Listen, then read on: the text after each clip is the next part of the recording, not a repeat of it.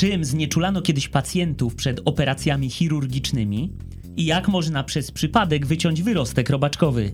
Ja nazywam się Sebastian Królikowski. A ja Filip Grycmacher i zapraszamy do naszego podcastu Wiesz o tym? Mówimy o różnych ciekawostkach, więc jeżeli jest w tobie głód wiedzy, a znajdujesz się w samochodzie, w autobusie, w domu, nawet w pracy i masz wolną chwilę, to jesteś we właściwym miejscu, żeby dowiedzieć się czegoś ciekawego. A jeżeli jesteś w samochodzie, w autobusie, w domu, a nawet w pracy, to posłuchaj o przełomowych operacjach.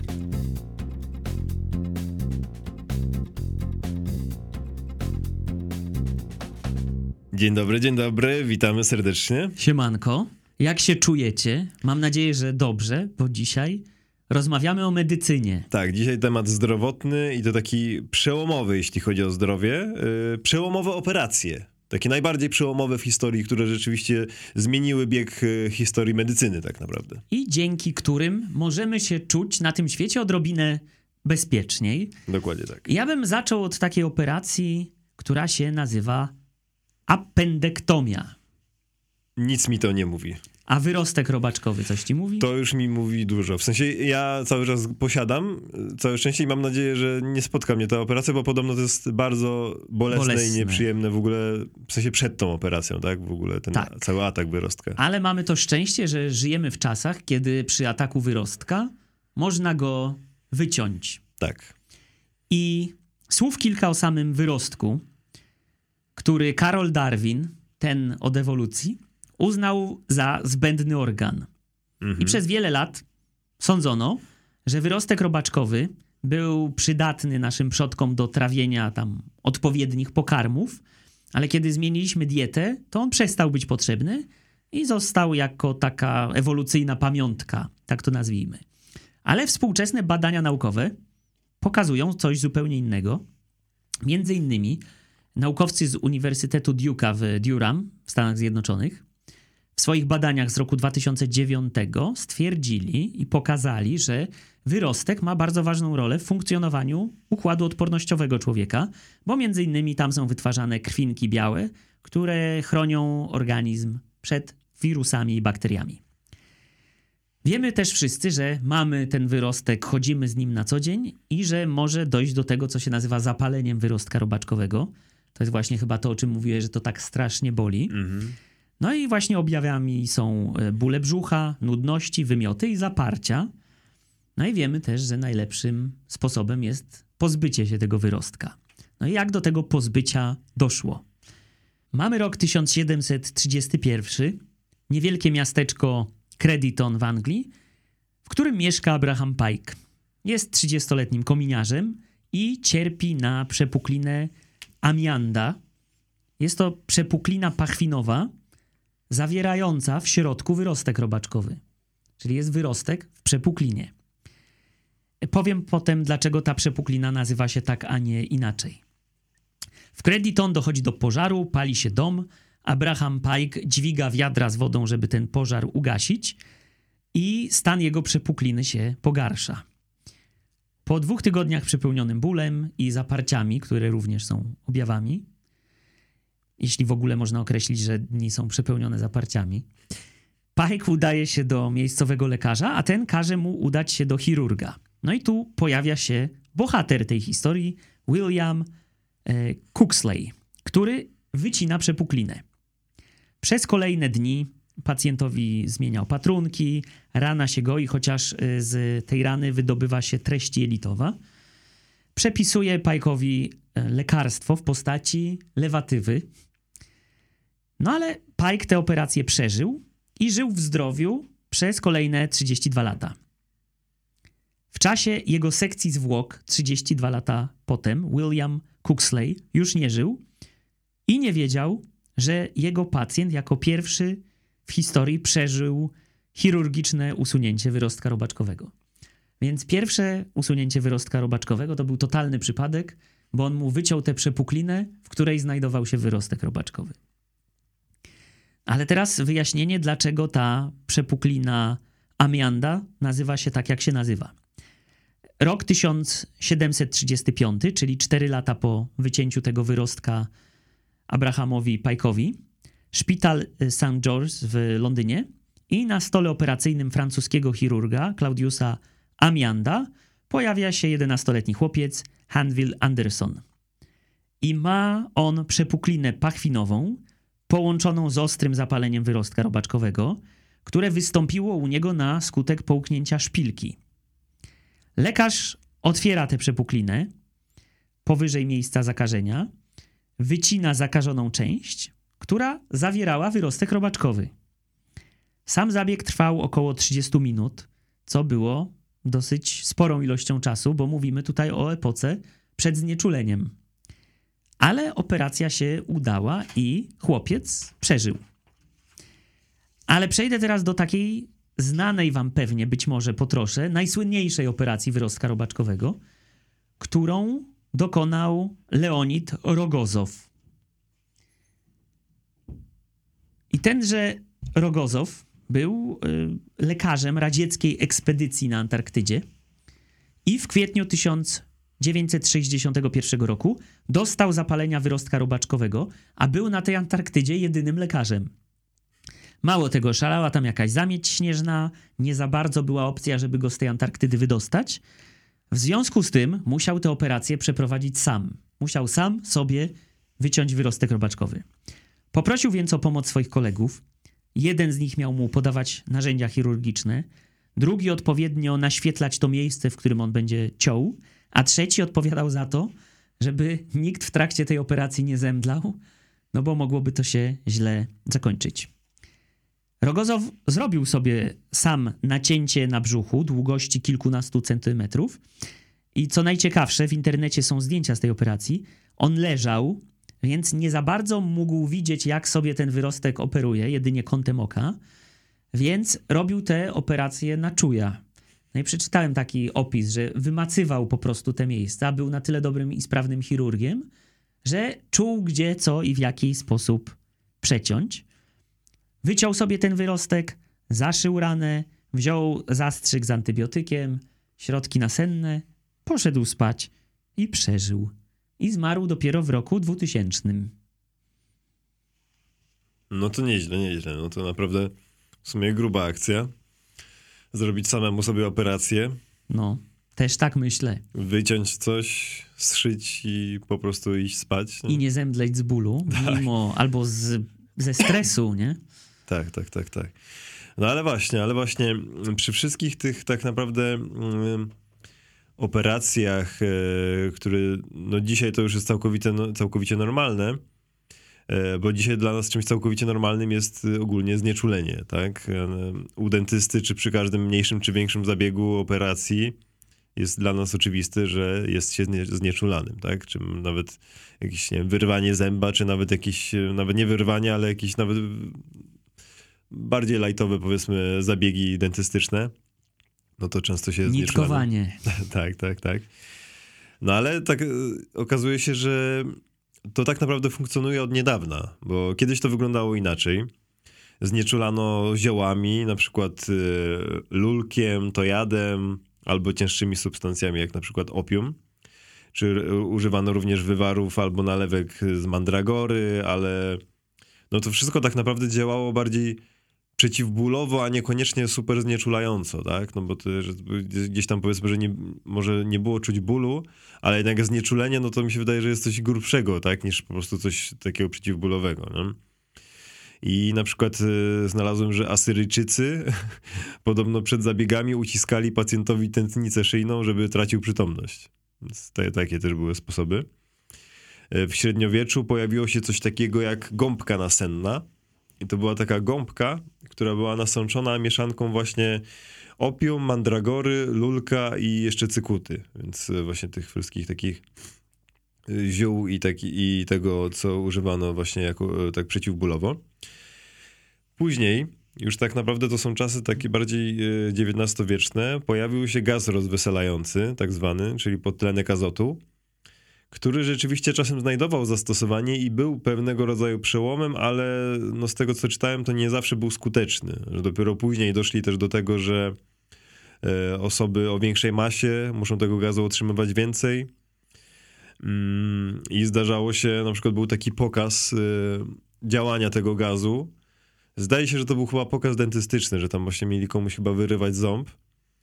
i potraktowali go tym gazem i ten gaz nie zadziałał tak, jak miał zadziałać. I ten właśnie pacjent, któremu wyrywano ząb, to podobno się darł potwornie, y, rzucał przekleństwami w tego chirurga, stomatologa. I to podobno wywołało wielkie poruszenie i wielki śmiech w ogóle wręcz na tej sali tych ludzi, którzy to obserwowali. Jest też wspaniała scena w Zabójczej Broni 4 y, u dentysty właśnie, jak biorą Mel Gibson Joe Pesci i Danny Glover biorą ten gaz rozweselający. Bardzo polecam obejrzeć na YouTubie nawet tę jedną scenę. No właśnie, i ja tutaj też mam małe nawiązanie do filmu innego, bo w końcu użyto czegoś, co współcześnie y, stało się słynne dzięki książce i filmowi Las Vegas Parano, czyli chodzi o Ether. Też jest taka słynna scena z Las Vegas Parano y, z Johnem Deppem i Benicio del Toro, jak poszli do cyrku po nawdychaniu się eteru. I rzeczywiście w XIX wieku um, można znaleźć, że rozpoczął się taki pewnego rodzaju wyścig w drodze po znale znalezienie skutecznego środka znieczulającego. I właśnie po tych różnych próbach z y, gazem rozweselającym, w końcu e, William Morton, dentysta, który miał doświadczenie mm, no właśnie już jakby w używaniu też między innymi tego gazu, gazu rozweselającego, użył eteru jako znieczulenia przy zabiegu stomatologicznym, no i się udało. I tak 16 e, października 1846 roku William Morton dokonał publicznej prezentacji znieczulenia eterem. Podano eter pacjentowi z nowotworem ślinianki i chirurg dokonywał zabiegu właśnie na nim. I zebrani ludzie spodziewali się okropnych krzyków pacjenta, tak jak właśnie w tamtym przypadku przy tym gazie rozweselającym i przy okazji powodów do drwin i śmiechów, jednak y, chirurg dokonał zabiegu wycięcia nowotworu w totalnej ciszy. I kiedy się obudził ten pacjent, miał powiedzieć, y, czuję się jakby mnie ktoś podrapał po szyi. Czyli czuł właśnie rzeczywiście jakieś, no, że coś tam było robione, ale no nie czuł jakiegoś wielkiego bólu. I e, podobno zebrani ludzie byli w olbrzymim szoku, bo zdawali sobie sprawę, że właśnie na ich oczach dokonał się przełom. I przyjmuje się, że to była pierwsza w historii operacja dokonana przy użyciu ogólnego znieczulenia. W ogóle ciekawe jest to miejsce, w którym właśnie e, ta operacja się odbyła. E, to miejsce się nazywa Eater Dome, zwane kiedyś bostońskim amfiteatrem chirurgicznym. I widziałem na zdjęciach, że to rzeczywiście wygląda jak taki mały amfiteatr. Jak na uczelniach czasem są takie stare sale, takie właśnie w kształcie takiego amfiteatru. Mm, I na scenie właśnie chyba dokonywano operacji, czy jakichś tych takich zabiegów, e, które były obserwowane przez widzów właśnie siedzących tam e, na tych e, siedzeniach. Tak normalnie trochę wygląda, mówię, no jak taka sala na uczelni. I właśnie ten 16 października został nazwany Dniem Eteru na cześć tego zdarzenia. Dzisiaj się już częściej używa określenia Światowy Dzień Znieczulenia. No, my pewnie znamy wiele osób w swoim otoczeniu, które codziennie mają taki dzień znieczulenia. Nie pamiętam, ile małpek się sprzedaje w Polsce dziennie, ale chyba kilka milionów, jeżeli się nie mylę. No właśnie, właśnie, to wiele osób się w taki sposób e, znieczula. Mm, no i po jakimś czasie okazało się, że mm, to określenie, które stosuje się do dzisiaj, czyli tak jak mówiłem, pierwsza operacja w znieczuleniu ogólnym w kontekście tamtego zdarzenia, Niekoniecznie musi być trafione, bo wyszło, że inny amerykański lekarz, e, Crawford Long, już od paru lat stosował eter jako znieczulenie przy operacjach, ale nie, po, nie powiadomił o tym środowiska medycznego. E, jest on również uznawany za jednego z ojców, powiedzmy, e, tego jakby w ogóle wprowadzenia znieczulenia do operacji. Jednak to właśnie William Morton miał największy udział w promowaniu stosowania eteru i to on jest uznawany za takiego najważniejszego pioniera anestezjologii w ogóle, tak i y, używania znieczulenia przy operacjach.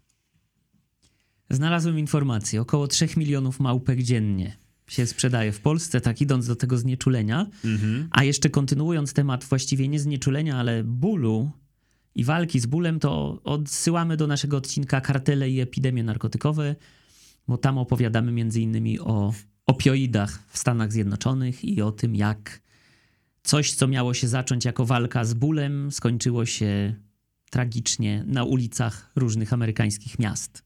Dokładnie. A ja idę do um, rejonu ciała które jest dla mnie bardzo wrażliwy. Oko. Mhm. Dlatego, że jak byłem mały, to obudziłem się, byłem chory i się obudziłem z zaklejonymi oczami. Nie wiem, czy ktoś z was miał kiedykolwiek taką sytuację. No, ja też kojarzę takie podobne. Ale pamiętam, że się obudziłem i zacząłem płakać, bo byłem przekonany, że oślepłem. I do tego czasu dotykałem sobie paluchem gałki ocznej bez problemu, a od tamtej pory nie mogę sobie nawet zakroplić oczu, bo tak przeraźliwie się tego boję. No i będę mówił o transplantologii. I chyba po mnie Filip też będzie mówił o transplantologii. Dokładnie. A jeżeli jesteśmy przy transplantologii, to przypominamy też odcinku makabryczne eksperymenty medyczne, bo tam mówiliśmy między innymi o transplantologii bardziej demonicznej, czyli o przeszczepianiu głowy psa do ciała drugiego psa. Jak już mówisz o przypominaniu, to ja też przypominam o tym, że można nas subskrybować e, na YouTubie, obserwować na Spotify'u, Instagramie i wszędzie, wszędzie, wszędzie. I można też nas wesprzeć wirtualną kawką w serwisie buycoffee.to łamane na wiesz o tym. Link w opisie odcinka. Zgadza się. A ja kontynuuję historię pożytecznej transplantologii. E, dużo się mówi o przeszczepianiach organów, ale mało się mówi o przeszczepianiu rogówki, czyli zewnętrznej warstwy gałki ocznej, która znajduje się w przedniej części oka. I żeby bardziej się w tę historię zagłębić, to sprawdziłem w ogóle wymiary rogówki. I tak, ma ona około 11,5 mm średnicy, 0,5 do 0,6 mm grubości w środkowej części, do 0,608 grubości w części obwodowej, więc bardzo cieniutka i bardzo mała rzecz. I mimo to składa się ona aż z sześciu różnych warstw. W każdym razie żeby lepiej sobie e, ten przeszczep wyobrazić, no to narysowałem, jak niesamowicie precyzyjna i skomplikowana jest to robota. Mimo to wzmianki teoretyczne oczywiście o leczeniu i chirurgii związanej z rogówką wspominane są już w czasach starożytnych, między innymi e, w, za czasów lekarza Galena, czyli początek tego wieku, e, a raczej tego milenium, tak? Tak, tak, tak. Droga do, szczep, do przeszczepu rogówki u człowieka, jak to zwykle bywa w medycynie, była bardzo długa. I jak to często bywa w medycynie, najpierw eksperymentowano na zwierzętach, a potem przeszliśmy do ludzi. I tak, Karl Himli, który y, żył na przełomie wieku XVIII i XIX, jako pierwszy zasugerował zastąpienie rogówki ludzkiej rogówką zwierzęcą. Potem mamy Frajca, Franza Reisingera, który e, zapoczątkował eksperymentalne przeszczepienie rogówki u zwierząt w roku 1818 i to właśnie on uknął termin, który się nazywa keratoplastyka. Po nim Wilhelmus Thorn stworzył termin przeszczep rogówki. Trzy lata później, rok 1837, Samuel Bigger dokonał udanego przeszczepienia rogówki u gazeli. E, kolejny rok, 1838, odnotowano próbę przeszczepu rogówki u człowieka, no ale nie powiodła się ona. Powiodła się dopiero w kolejnym wieku. I mamy rok 1905, Ołomuniec, dzisiaj Czechy, wtedy Austria. 45-letni Alois Glogar, rolnik, czyści kurnik i czyści go wapnem, co doprowadza do poważnego oparzenia obydwu gałek ocznych. Mniej więcej w tym samym czasie 11-letni chłopiec Karl Brauer ulega wypadkowi i w jego gałkach ocznych y, utknęło metalowe ciało obce. No i kiedy próby ratowania oczu tego dziecka nie powiodły się, pewien lekarz za zgodą chłopca albo jego rodziców usunął te gałki oczne i zachował rogówki. I w ten sposób Alois Glogar został pierwszym biorcą rogówki, a Karl Brauer pierwszym dawcą rogówki. Ten lekarz, o którym wspomniałem, był Austriakiem i kierownikiem kliniki okulistycznej w Ołomuńcu i nazywał się Edward Zirm. I to właśnie on podjął się tej pionierskiej operacji przeszczepienia rogówki. Cała ta operacja obyła się bez skomplikowanych, jak na dzisiejsze standardy narzędzi, czyli bez tych narzędzi mikrochirurgicznych. W jednym ze źródeł było wspomniane, że nawet bez mikroskopu, ale sprawdzałem, że mikroskop już wtedy był. Pytanie, czy był na tyle spopularyzowany, czy nie. W każdym razie przeszczep powiódł się, niestety tylko w jednym oku. Prawe oko nie udało się i przeszczep się nie powiódł, natomiast w lewym oku wzrok pacjenta się poprawił. Mimo to, że było to tylko jedno oko, 7 grudnia 1905 rok zostaje uznany za datę pierwszego przeprowadzonego, udanego przeszczepu rogówki, której dokonał Edward Zirm. No właśnie, ja też mam o przeszczepie i to o przeszczepie chyba organu, który stał się w sumie takim najsł najsłynniejszym organem, yy, jeśli chodzi o przeszczepy w ogóle, tak jakby takim, mam wrażenie jakby takim królewskim w ogóle przeszczepem, królewskim organem. No bo powiedzmy... Nie jeden, bez powodu jeden, jeden, z naszych najważniejszych organów. No jeszcze nie ma przeszczepów mózgu, tak, ale w, w Przyjaciołach, nie wiem czy pamiętasz, był taki motyw, że Joey grał e, w serialu postać, która była po przeszczepie mózgu. Nie pamiętam tego. no, w każdym razie było coś takiego. Ale przeszczep serca. E, o, o, nim będę mówił i no, kiedy myślimy o pierwszym przeszczepie serca, no to oczywiście od razu na pewno pojawia nam się w głowie profesor Zbigniew Religa. I to słynne zdjęcie. Tak. E, Zbigniew Religa 5 listopada 85 roku dokonał pierwszego udanego przeszczepu serca. Pacjent wprawdzie zmarł po dwóch miesiącach, ale to był przełom w polskiej transplantacji. A to słynne zdjęcie, o którym mówisz, y, pochodzi z 87 roku, kiedy Religa zoperował pacjenta, który żył jeszcze 30 lat po tej operacji. I chyba przeżył samego Religę, jeżeli dobrze pamiętam. Chyba tak, chyba tak. Y, że jakoś w, w podobnym czasie chyba y, zmarli. W każdym razie, no tak jak mówiłem, to były pierwsze przeszczepy w Polsce. A kiedy był pierwszy przeszczep w ogóle serca na świecie? No i jedną z pierwszych osób, które mówiło o tym, że już za jakiś czas będzie możliwe przeszczepianie narządów, był amerykański badacz medyczny Simon Flexner. Powiedział o tym w publikacji w 1907 roku. W 1964 roku amerykański chirurg James Hardy, który wcześniej dokonał pierwszego przeszczepu płuc i no jakby w, wszedł jakby jego kariera została otoczona jakby takim bardzo duży, dużym prestiżem i rzeczywiście stał się bardzo sławny. Do momentu, jak dokonał przeszczepu serca szympansa człowiekowi. I e, w tym odcinku, o którym wspominałeś. E, o, o eksperymentach o medycznych. eksperymentach medycznych też tam było coś podobnego, nie? Że, e, Przeszczepienie serca pawiana. Pawiana, tak, tak, tak, tak. Tutaj właśnie był temat serca szympansa człowiekowi, Boydowi i.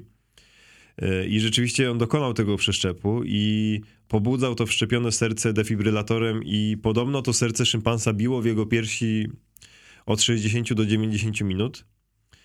Yy, I no jednak on zmarł, tak, po tych 60-90 minutach. W każdym, no i oczywiście było mnóstwo kontrowersji wokół tego i yy, ten właśnie James Hardy, chirurg, który dokonał wcześniej przeszczepu płuca, niestety no tutaj spadło na niego bardzo dużo krytyki. I 3 grudnia 1967 roku miał miejsce wielki przełom. Jak myślisz, gdzie tego dokonano? Pewnie w Stanach Zjednoczonych. USA? Otóż nie. W RPA. Faktycznie. A, no właśnie. To jest takie, może być zaskoczenie dla niektórych, że nie w USA, ale w RPA. I dokonał tego przeszczepu Christian Barnard, a osobą, która otrzymała nowe serce był Louis Waszkanski, który pochodził z Litwy. I Waszkanski był sportowcem mm, przez długi czas. Prowadził taki tryb życia, że pewnie nikt by się nie spodziewał, że może mm, mieć wielkie problemy zdrowotne. No ale niestety stan jego zdrowia zaczął się pogarszać. Miał cukrzycę i dopadła go nieuleczalna choroba serca, przez co miał trzy zawały i jeden z nich e, doprowadził do niewydolności serca. I podobno przed operacją dr Barnard Powiedział jemu i jego żonie, że jest 80% szans na powodzenie tego zabiegu, co później było krytykowane pod względem etycznym, że no jednak 80% to jest dosyć sporo, a przeszczep serca do tej pory jeszcze nikomu się nie udał, tak? Więc no to było rzeczywiście no, bardzo duża albo pewność siebie, albo po prostu chciał ich e, do tego przekonać, żeby mm, zgodzili się na tę operację. No i w końcu e, tego 3 grudnia 67 roku też tak e, jak to pisałem, e, ten, robiłem ten research, to zwróciłem uwagę, że ten 67 rok też dosyć często się pojawiał w naszych odcinkach. W tym roku na przykład było Lata Miłości, o którym mówiliśmy w jednym z odcinków podczas którego sporo osób brało LSD, tak nawiasem mówiąc, czyli kolejną używkę dobrze znaną z Las Vegas Parano, tak jak Ether. E, no w każdym razie wtedy w 67 roku 3 grudnia dochodzi do pierwszego udanego przeszczepu serca na świecie. Jednak Louis Waszkanski musiał zażywać leki, leki immunosupresyjne, które podawano mu w obawie przed odrzuceniem przeszczepu przez jego organizm. A te leki hamują aktywność układu odpornościowego. No i niestety dopadło go zapalenie płuc i zmarł 21 grudnia, więc ponad dwa tygodnie po operacji. W każdym razie no, był to olbrzymi przełom i też wielka jednocześnie inspiracja dla chirurgów na całym świecie. I w 68, czyli w kolejnym roku, dokonano na całym świecie około 100 przeszczepów, ale tylko 30% pacjentów przeżywało e, dłużej niż 3 miesiące. Barnard, e, ten chirurg, który dokonał pierwszego przeszczepu, dokonał na początku 68 roku e, kolejnego i tutaj było duże poruszenie znowu jakby z innego powodu w RPA, bo dawcą serca w tej sytuacji był czarnoskóry Clive Hopt, 24-latek, który zmarł wskutek udaru mózgu, a operowanym był Philip Bleiberg, biały, więc w czasach apartheidu no to było wielkie poruszenie, wielka sprawa i rzeczywiście no, wywołało to bardzo dużo kontrowersji w RPA i Bleiberg przeżył 19 miesięcy. Więc no już rzeczywiście już jakiś przełom nastąpił, no i potem oczywiście to się rozwijało, rozwijało. I e, dzisiaj możemy powiedzieć o rekordistach. E, rekordzistą Polski, e, jeśli chodzi o życie po przeszczepie serca, był właśnie Tadeusz Żydkiewicz, ten, który był na tym zdjęciu Zbigniewa Religii, w sensie przy tej operacji. Przeżył ponad 30 lat z przeszczepionym sercem. I co ciekawe, po 13 latach od tego przeszczepu miał jeszcze operację przeszczepu nerki. Więc z dwoma przeszczepionymi narządami y, przeżył naprawdę długo. A rekordzistą świata jest John McCafferty, który żył ponad 33 lata z przeszczepionym sercem. I rocznie dokonuje się około 3,5 tysiąca przeszczepów serca na całym świecie, z czego około połowa w samych Stanach Zjednoczonych. Średnio pacjenci żyją podobno około 15 lat. Więc rzeczywiście no, naprawdę bardzo duży przełom, jak na to, że to, to tak naprawdę się wydarzyło no, 50 parę lat temu, tak, tak no, pół wieku temu. I różnica jest ogromna. A tak kontynuując temat przeszczepów w bardziej przykry sposób, to również odwołujemy do naszego odcinka Niewolnictwo i handel ludźmi, gdzie między innymi mówimy o sprzedawaniu ludzi w kwestii sprzedawania potem ich organów i również zachęcamy do wysłuchania tego odcinka. Dokładnie tak. I to wszystkie operacje, które mieliśmy, e, przełomowe operacje, które mieliśmy na dzisiaj dla was przygotowane, no pewnie są jeszcze operacje, na które czekamy, tak? To ostatnio gdzieś e, mówiono o przeszczepie oka, że już jakieś tam postępy zostały zrobione w tej sprawie. Tak. Myślę, Nawet to... chyba w Polsce był już taki przeszczep, tak, albo się mylę. Myślę, że to jest jedna z takich e, operacji, na które też ludzkość czeka cały czas. Ale czekamy również na mniejsze rzeczy, jeżeli chodzi, są, jeżeli chodzi o zdrowie, na przykład o jakiś skuteczny lek na przeziębienie.